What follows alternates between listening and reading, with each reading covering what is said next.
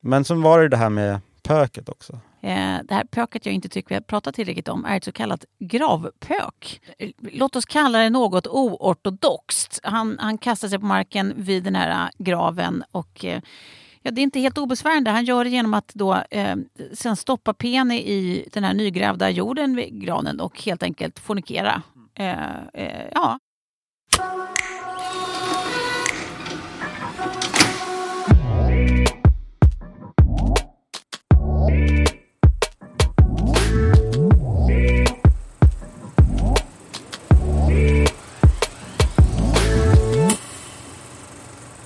Det är exakt tio år sedan vi förtrollades av två omaka poliser i Louisianas allra svettigaste och mörkaste träskmarker.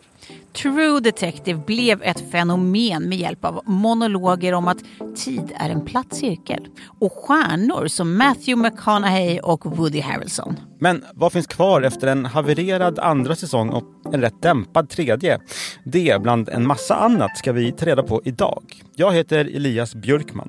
Och jag heter Tove Norström och det här är TV-kollen från Svenska Dagbladet som nu finns i ett alldeles eget poddflöde. Jo, jo. Ja, men gott nytt då! TV-år that is. eh, Och det har ju varit några riktigt goda TV-veckor på senaste vill jag ändå säga. Hur har du haft det Elias? Eh, ja, men det har ju varit bra med tv-tid. Ja, det har varit bra med TV-tid. Eh, Det säger ändå en del från en, en småbarnsfar. Ja. Nej, men det har det inte varit. Men en del tv-tid har det varit. Ehm, jag har inte bingeat jättemycket i jul. Har du gjort det? Men jag, jag har gjort det, men det är för att vi har varit så sjuka hemma. Mm. Jätteintressant för alla att höra om. Jag ska, jag ska berätta i detalj sen, vi lägger ut det som en extra podd. Mm. Eh, Bonusavsnittet. ja, ja, men då, då finns det ju inget bättre, bättre sätt att få eh, tiden att gå än att glo på Nej, saker. Nej, Ja. så är det. Och saker har funnits, tack och Mm. lov. Ja, men jag, jag letar i minnet efter mellan blöjbyten och liksom, matningar, vad jag har gjort. Men jag hittar inga tv-serier som jag har Nej. sett. Det är bara en grå sörja. Du har bara pågått. Ja. Ja, minns det där. Eh, men här i veckan då, eh, inte minst så har det ju skett händelser i den stora tv-världen. Vi hade Mm. ju Golden Globes, alltså tvs Oscars får man väl säga, borta i Amerikat. Eh, material därifrån har inte saknats om man säger. Eh, det, det, det har varit hångelbilder mellan eh, Timothée Chalamet och Kylie Jenner. Eh, det har varit klipp på Jennifer Lawrence, being Jennifer Lawrence, som hotar med att lämna om hon inte får pris. Eh, det har varit roliga presentationer som, som Kristen Wiig och Will Ferrells eh, Little Awkward Dance. Eh, men mest av allt så kanske jag skrattats åt eh, det här. Thanks to Succession, I- I've been in here a couple times. It's nice, but I sort of uh, accepted I was never going to be on the stage, so this is a nice moment. Suck it, Pedro. Sorry. Ja, Successions eh, Kieran Culkin som alltså eh, småroastar Pedro Pascal eh, att just han fick priset. Och vem älskar inte ett gott ret? Ja men eller hur, jag tycker ju här, hans tal var jätteroligt. Han, han kunde liksom inte hålla sig från att säga bara saker som uppstod, så kändes det som, Ja, i exakt. stunden. Vad sa han? Han fick, han burpa, eller liksom. Sorry, burping, indigestion. Didn't need to say that. Um, Ja, precis. Luftutsläpp och... Det, Ja. det var ett vuxet sätt att kalla, kalla en rap. Ett luftutsläpp. Ett eh, oralt luftutsläpp. För pryd för att säga ordet rap. Ehm, eh, precis. Nej, men det man älskade med eh, Kierans eh, tacktal, ja, allt till att börja med, men Mm. framförallt då att det också kändes väldigt mycket, han påminner väldigt mycket om den här karaktären han blev prisad för senare, Jo. eller just då, alltså Roman i Ja. Succession. Eh, Då Och det- undrar man ju så här, är, hur mycket spelar han? Exakt, Men och hur mycket är han bara sig själv? Men det gör väl alla skickliga skådespelare, de drar från sig själva. Exakt. Men sen så är väl kanske då sig själv on crack i, Ja, i, när han spelar Roman. Får man hoppas. Och kanske inte lika sexuellt... Eh, ja. Ja, ett sexuellt derivat. Eh, Ja. Sexuellt eh, Hem, deviant. hämmad eller ohämmad eller vad han nu är. Ja, vad han nu är, det är otroligt oklart. Hur som helst, idag då så, så kommer vi eh, att eh, fortsätta snacka snusk. Vi började ju just. eh, hur ska man annars inleda ett 2024 på eh, bästa sätt? Nej, Men precis. först det, det blir ju om en stund. Mm. det här blir ju Mm. liksom en liten teaser. För att, eh, först så ska vi snacka en av vad vi tror kommer bli eh, de största tv-snackisarna under 2024. Verkligen. Faktiskt, och då är vi bara i januari. Mm. Eh, och det är den fjärde säsongen av True Detective. Snuskigt Ehm. bra. Snuskigt bra. Där, där satt den Björkman. Tack.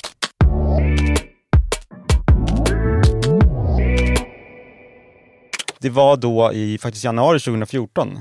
Det är tio år sedan exakt. Eh, Då fick världen första, vår första mm, True Detective-dos till just det. skänks. Det var Jungfrusilen. Exakt. Ja, då, det, jag försökte sammanfatta den och jag kom fram till att det, liksom, det som hände var att eh, ja, men här förenades ju svettig sydstatsgotik med existentiella spörsmål om filosofisk pessimism. Och detta representerades av Matthew McConaughey, mörker, och Woody Harrelson som representerar ljuset. You're a bad man. World needs bad men. We keep the other bad men from the door. Allt det här då med en riktigt nervigt kriminalfall också, som fond. Och eh, som nämndes i inledningen, det här med att tiden är en platt cirkel. Den här kungen, The Yellow King och eh, fjärde avsnittets sex minuter långa actionsekvens filmad i en enda tagning. Det är väl det som har gjort att True Detective skrev in sig i tv-historien på något sätt. Nu som sagt kommer alltså då den fjärde och högst efterlängtade säsongen efter en ganska lång väntan. Some people come to Alaska to escape, get away from something. Sometimes they come here looking for something. Sometimes they find it. Eh, och den här fjärde säsongen, den, den, vi ska säga det också, den, den eh, görs med Jodie Foster och Carly Rice eh, i huvudrollerna. Eh, och eh, mexikanska regissören Isa Lopez som både showrunner och och regissör. Eh, och, det, och det är helt nytt. Både att det är två kvinnliga huvudroller och att det är en kvinnlig regissör, showrunner. Eh, men mottagandet, det initiala kan man sammanfatta som rykande hett. Mm de fick ju ett eh, perfect score faktiskt av de kritiker som har fått förhandstitta och lämna omdömen på Rotten Tomatoes. 100 procent! Är det sant? Eh, det får man ju ändå säga är en flygande start. Ja. Och- det ska jämföras med den, den första säsongens 91 procent. Mm. Eh, den andra fick 47 och den tredje 84. Så att det här var ju liksom något helt annat. 47, ja det är lågt. Det var lågt. Ja. Eh, ja, eh, den här publikationen Indie Wire tycker eh, att den inte bara lyckas återskapa första säsongens magi utan faktiskt överträffar den. Eh, Rolling Stones kallar den för a must see och Collider hävdar att den kommer att hålla dig i sitt grepp till sista rutan. Och jag, jag håller inte inte med. Nej, så du håller med? Jag håller med. Eh, För den här fjärde säsongen, den, är- den är kall och mörk och den liksom knastertorr, snötorr.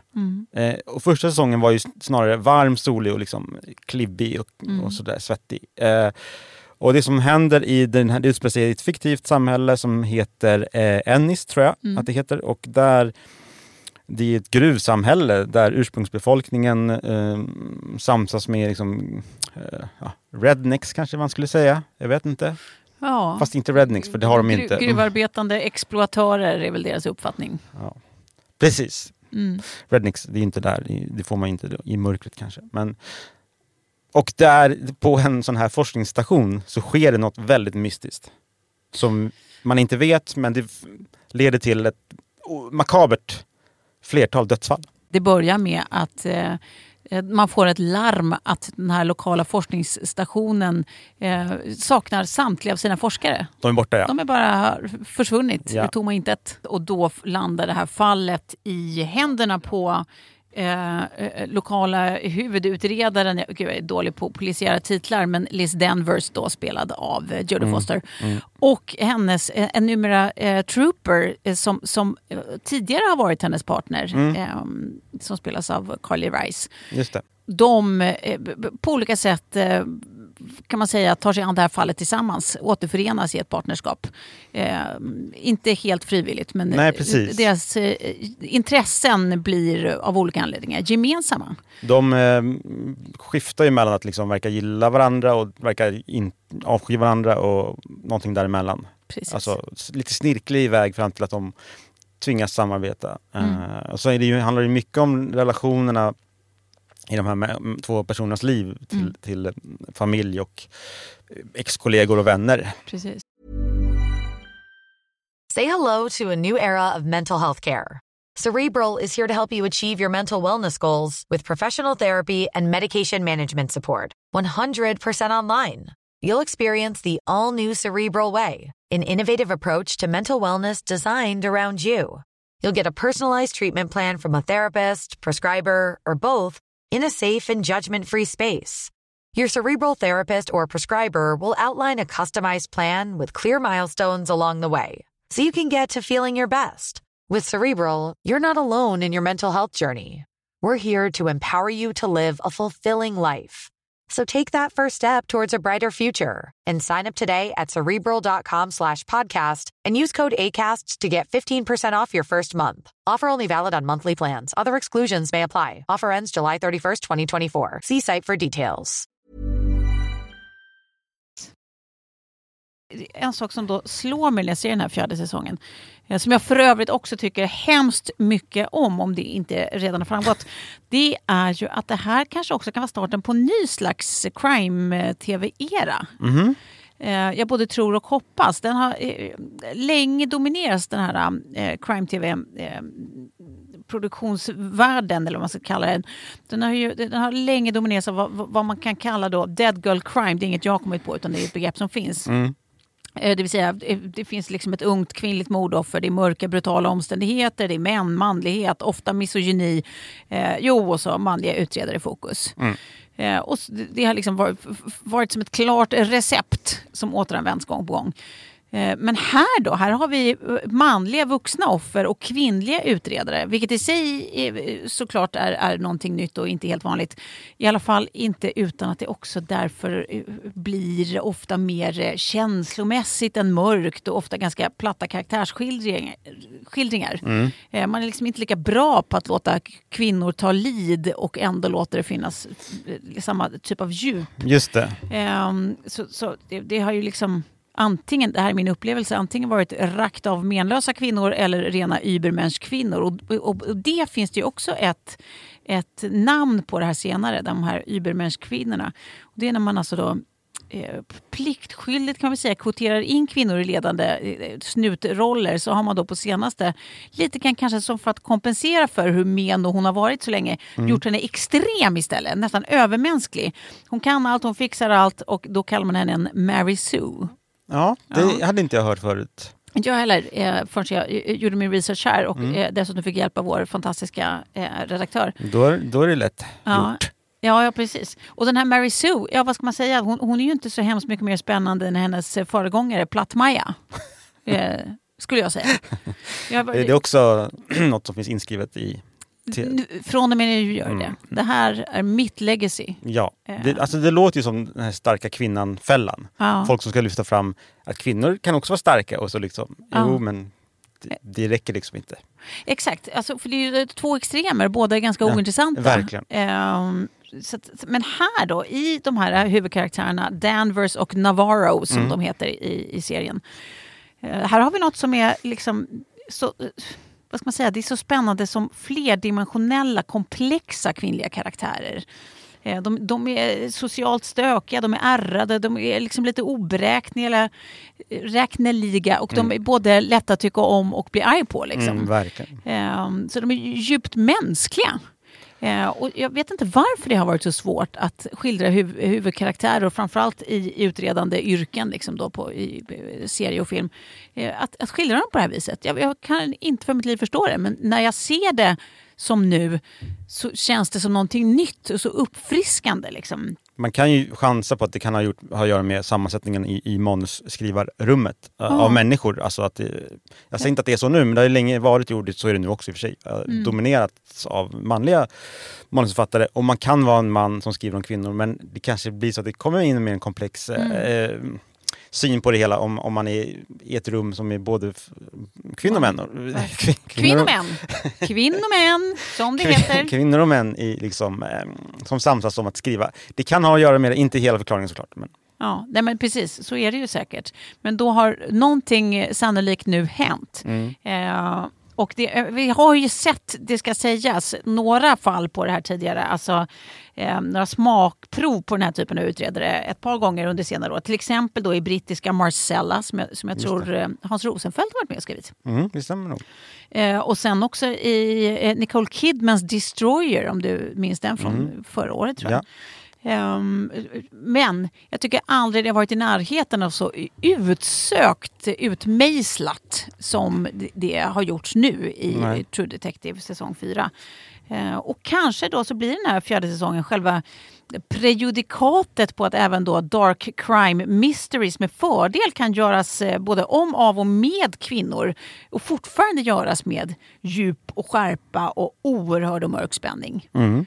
Ehm, Så det- är både en spaning och en förhoppning. Det låter väl högst troligt att eh, det som krävs är ju att det kommer stilbild, stilbildande verk som det här som liksom sätter en ton och visar Precis. hur det kan göras ex- exceptionellt bra. Alltså jag blir ju nästan jag blir ju irriterad på Danvers, alltså Jodie Fosters figur. Mm. För att hon är så sammansatt och jag inte riktigt får ihop, får ihop henne. Mm. Så som det är med de- allra bästa eh, liksom, tv-karaktärer. Exakt. Man, man inte riktigt blir klok på henne och det visar att det, det, hon är superfint och bra skriven. Precis. Eh, hon är och ju, skildrad. och skildrad. Ja, ja, hon är jättebra i rollen också. Mm. Hon är ju en irriterande eh, person.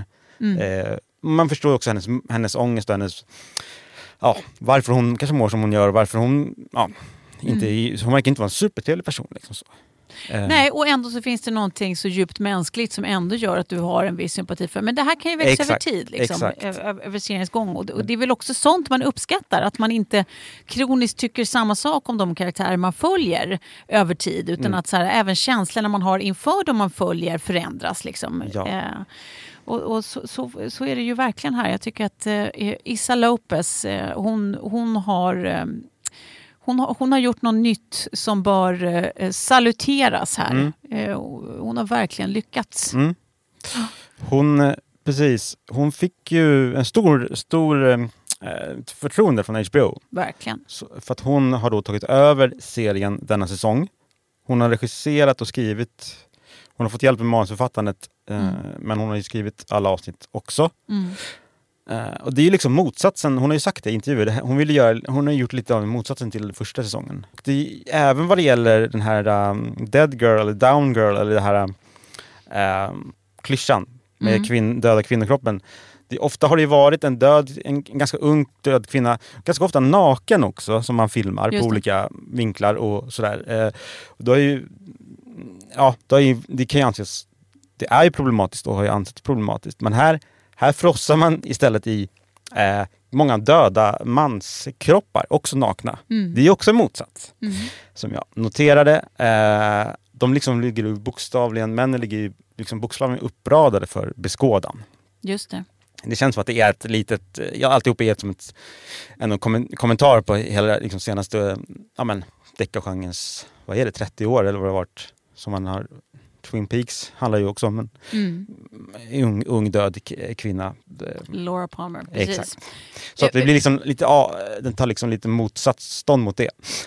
Och det som händer är att man också återfinner de här forskarna på ett vad ska man säga, döda framförallt, men också under otroligt makabra omständigheter.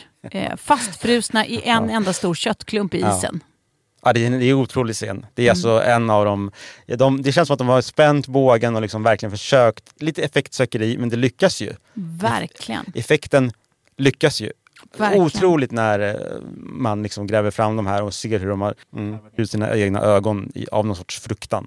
Precis. Det här är alltså eh, där vi startar mysteriet. Head over to Hulu this March, where our new shows and movies will keep you streaming all month long. Catch the acclaimed movie All of Us Strangers, starring Paul Mescal and Andrew Scott. Stream the new Hulu original limited series We Were the Lucky Ones with Joey King and Logan Lerman. And don't forget about Grey's Anatomy. Every Grey's episode ever is now streaming on Hulu. So, what are you waiting for? Go stream something new on Hulu. Men någonting jag tar med mig, det, det är också kopplat till första säsongen, det är det här, är True Detective egentligen en övernaturlig serie? Och. Om den är en övernaturlig serie, då tänker jag, då vill inte jag vara med längre. Då slänger jag ut fjärrkontrollen.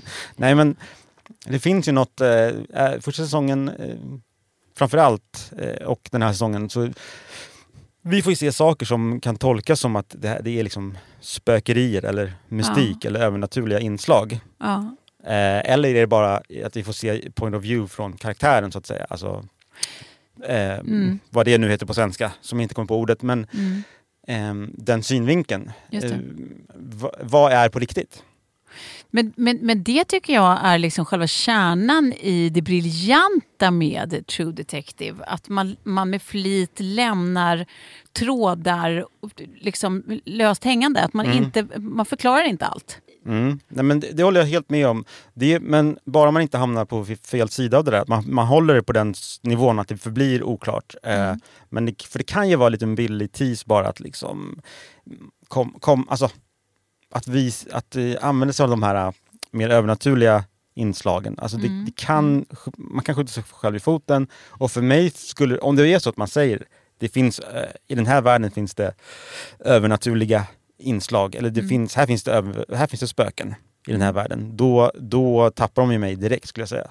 Alltså då, då, då tas jag ur Jo, den, den världen. Tappade omedelbart. de dig i säsong ett? Nej, det gjorde de inte. Mm. Och, Då tror jag inte du behöver vara orolig nu heller. Nej, för du har sett lite fler avsnitt än vad jag har gjort. Det har jag gjort, Ja. samtliga. Och det är verkligen som du säger, det som var briljant med första säsongen, det var Mm. att man höll det på den här nivån att vi vet, alltså man kan Mm. tolka det så, man får välja själv. Liksom. Exakt. Tolka det som att, eh, hur det var med, med de inslagen och det har ju, ja, Mm. jag tror att eh, jag tar med, jag tar med, tar med mig det till resten av tittandet. Mm. Det är ju en av årets. Jag tror att det här, det här kommer att snackas om Mm. just för att det är faktiskt en upplevelse och dessutom en upprättelse för, för eh, franchisen. Exakt. Med det sagt, eh, True Detective är ju inte allt vi ska prata om idag. Nej. Vi har ju också lite andra tv-relaterade spaningar Ja men eller hur. som är värda att nämnas. Och det här är ju mitt sätt att säga att här kommer veckans gås. Ja, eller ska vi kalla det veckans retro apropå att man eh, förmodligen helt behöver sakna social media eh, alternativt vara blind för att ha missat Jeremy Allen Whites, alltså han från The Bear. Eh, kalsongreklam. Just det. Den har du sett va? Jag har sett den, den har fått kastat i, i mitt ansikte både här och där. Ja, just det. Mulad Mm. Ja, har man blivit faktiskt. Mm. med den här. Eh, ja, och då... Jävlar. Och då är min fråga varför är det ingen som har sagt att det är inne igen att objektifiera män. I'm down! Mm. Jag, jag är helt med. Har eh, känt mig lite vilsen sen eh, Mark Wahlbergs glansdagar i sina tidy whities. Ehm, och, och, och, eller om du minns, var runt, eller åtminstone i hela Stockholm, så var det sån här storbildsreklam på Dolce Gabbanas Light Blue, den här parfymen på, på olika billboards. Eh, som var en riktigt sån här nära åldningsupplevelse. Alltså det var, det, var liksom, det var väldigt mycket kön rätt upp i, i ansiktet. Men det var väl beklätt? Det var beklätt, men knappt alltså. Ja. Men nu är vi då tydligen tillbaka i det här manliga sexualiseringsrummet och det var väl på tiden. Och inte är då nyligen Golden Globe-belönade skådisar för fina för att, för att visa lite hud heller alltså. Nej. Som ett bättre betalt Onlyfans med större exponeringsyta, tänker jag. Jag, jag, tycker att det är bra att, vi, att liksom, jämställdheten slutade i att vi, män ska ob- objektifieras lika mycket. Ja, eller hur? Det, det är väl ett rimligt, det är en rimlig slutdestination. Ja. Eh, och när vi ändå talade om utmärkelser, det där var ju veckans gås. Just det. Eh, då, då, då tänker jag att det kommer en liten bonus den här veckan. Ja, Ja, jag har också en Årets pök.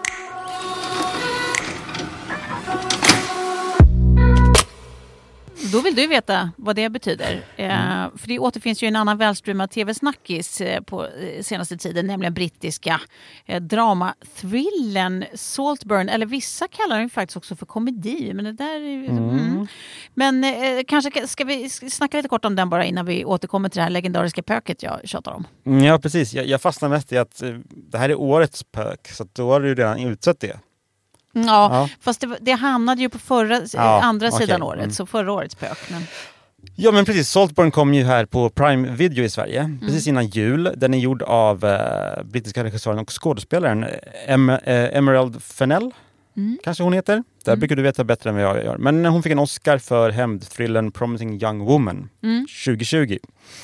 Hon har spelat massa roller också. Som sagt, hon var också showrunner för Killing Eve, andra säsongen. Ja, ja. Eh, hon har skapat den här, det, det känns som för, hon har liksom, det är en förlorad värld för 2020-talet. Alltså den här gamla klassiska brittiska tv-serien och romanen. Eh, Barry Keegan Mm, spelar Oliver Quick, en Mr Ripley-liknande figur. Som, han börjar på Oxford och blir vän med en förmögen person som heter Felix Cotton. Cotton. Mm. Han spelas av eh, Jacob Elordi. Just. Fan vad många namn det blev. Känd från eh, Euphoria. Exakt. Världens vackraste person som eh, eh, någon, TV, någon av producenterna till filmen sa. Men då ville Mm. regissören sätta på honom en, eh, en ring i ögonbrynet. Mm. Och det här eh, vad ville regissören ha då. För att hon ville det som en tidsmarkör. För det är ju ändå 2007 tror jag. Mm.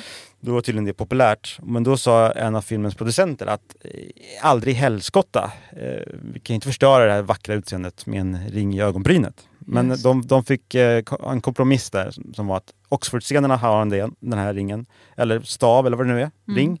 Piercing. Piercing. Och, eh, men sen eh, andra halvan av filmen utspelar sig på ett gods och där har han inte denna.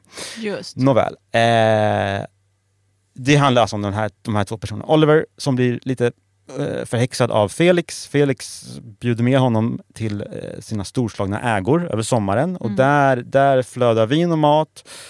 Och en storögd Oliver, han njuter väl av detta verkar det som. Men är han så oskyldig som gör gällande?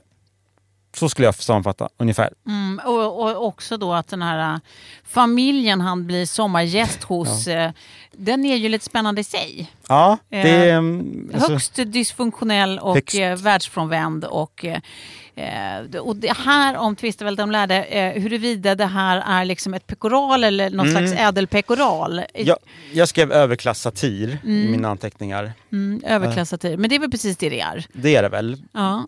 Och precis, familjen är ju väldigt speciell. och och eh, det blir en ganska underhållande tid där på godset. Mm. Invite whoever you want. All your friends. What friends? Oh, oh! How about fancy dress? Oh, yes. I can wear my suit of armor, Elspeth. Good idea, darling.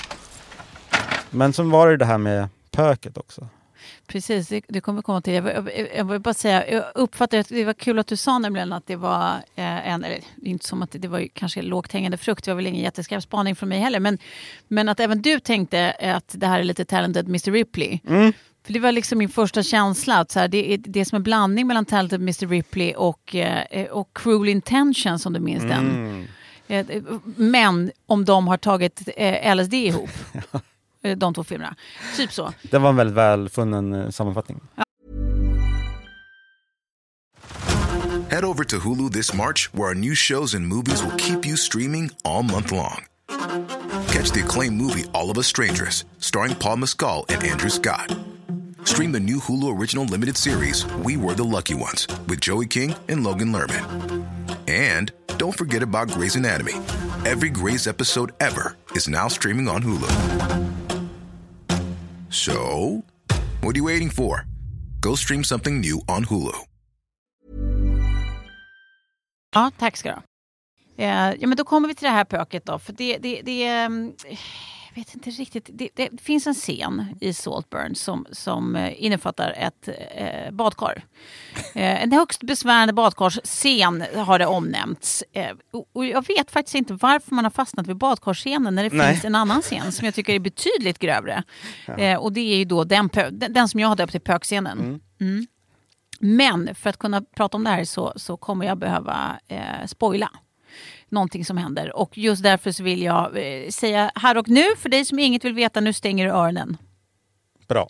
För er andra som fortfarande är kvar, eh, det här pöket jag inte tycker vi har pratat tillräckligt om är ett så kallat gravpök. Eh, den här då Barry Keegans karaktär, hans sätt att sörja sin ja, kärlek, vän slash kåtlåsning är Låt oss kalla det något oortodoxt. Han, Mm. han kastar sig på marken vid den här eh, graven och eh, Ja, det är inte helt obesvärande. Han gör det genom att då, eh, sen stoppa Penny i Mm. den här nygrävda jorden vid granen och helt enkelt fornikera. Mm. Eh, eh, ja. Och jag läste också att det här stod det faktiskt inte ens i manus från början utan det var, det var någonting som tillkom på eh, Keegans egna initiativ. Och det vet inte jag heller hur man ska känna kring. Är, det, är, det, är han briljant denna Barry Keegan? Mm. Och bara en, en über-empath, alltså att han liksom har så lätt att känna med sin något tvistade sjuka eh, liksom, karaktär. Mm. Eller är han en sjuk jävel? Kanske är han båda? Alltså det är ju ganska, den, den gör ju ganska mycket för filmens stämning. Ja. Det är ganska stor grej och, och liksom för regissören att säga, ja men okej vi på det. Ja. Alltså om hon inte hade tänkt sig sitt verk så här Ja. och han, ja. Jag, jag väljer geni i det här fallet för Ja. jag tycker han är en otrolig skådespelare. Ja, och här sitter vi och pratar om årets pök. så, att, så att någonting hände ju. Eh, men det här, det var, det, det, jag håller med, jag tycker att han gör det väldigt bra. Eh, och det, är en skruvad, skruvad film, men eh, absolut sevärd.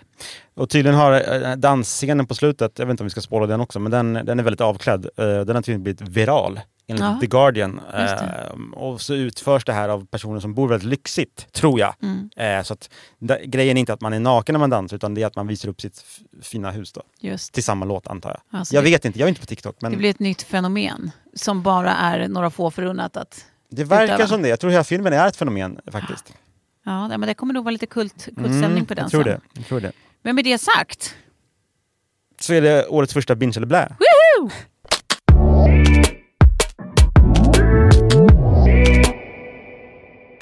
Jag tänk, tänkte börja då och eftersom vi ändå har lite deckartema Mm. så väljer jag veckans binge och det är Criminal Record på Apple TV+.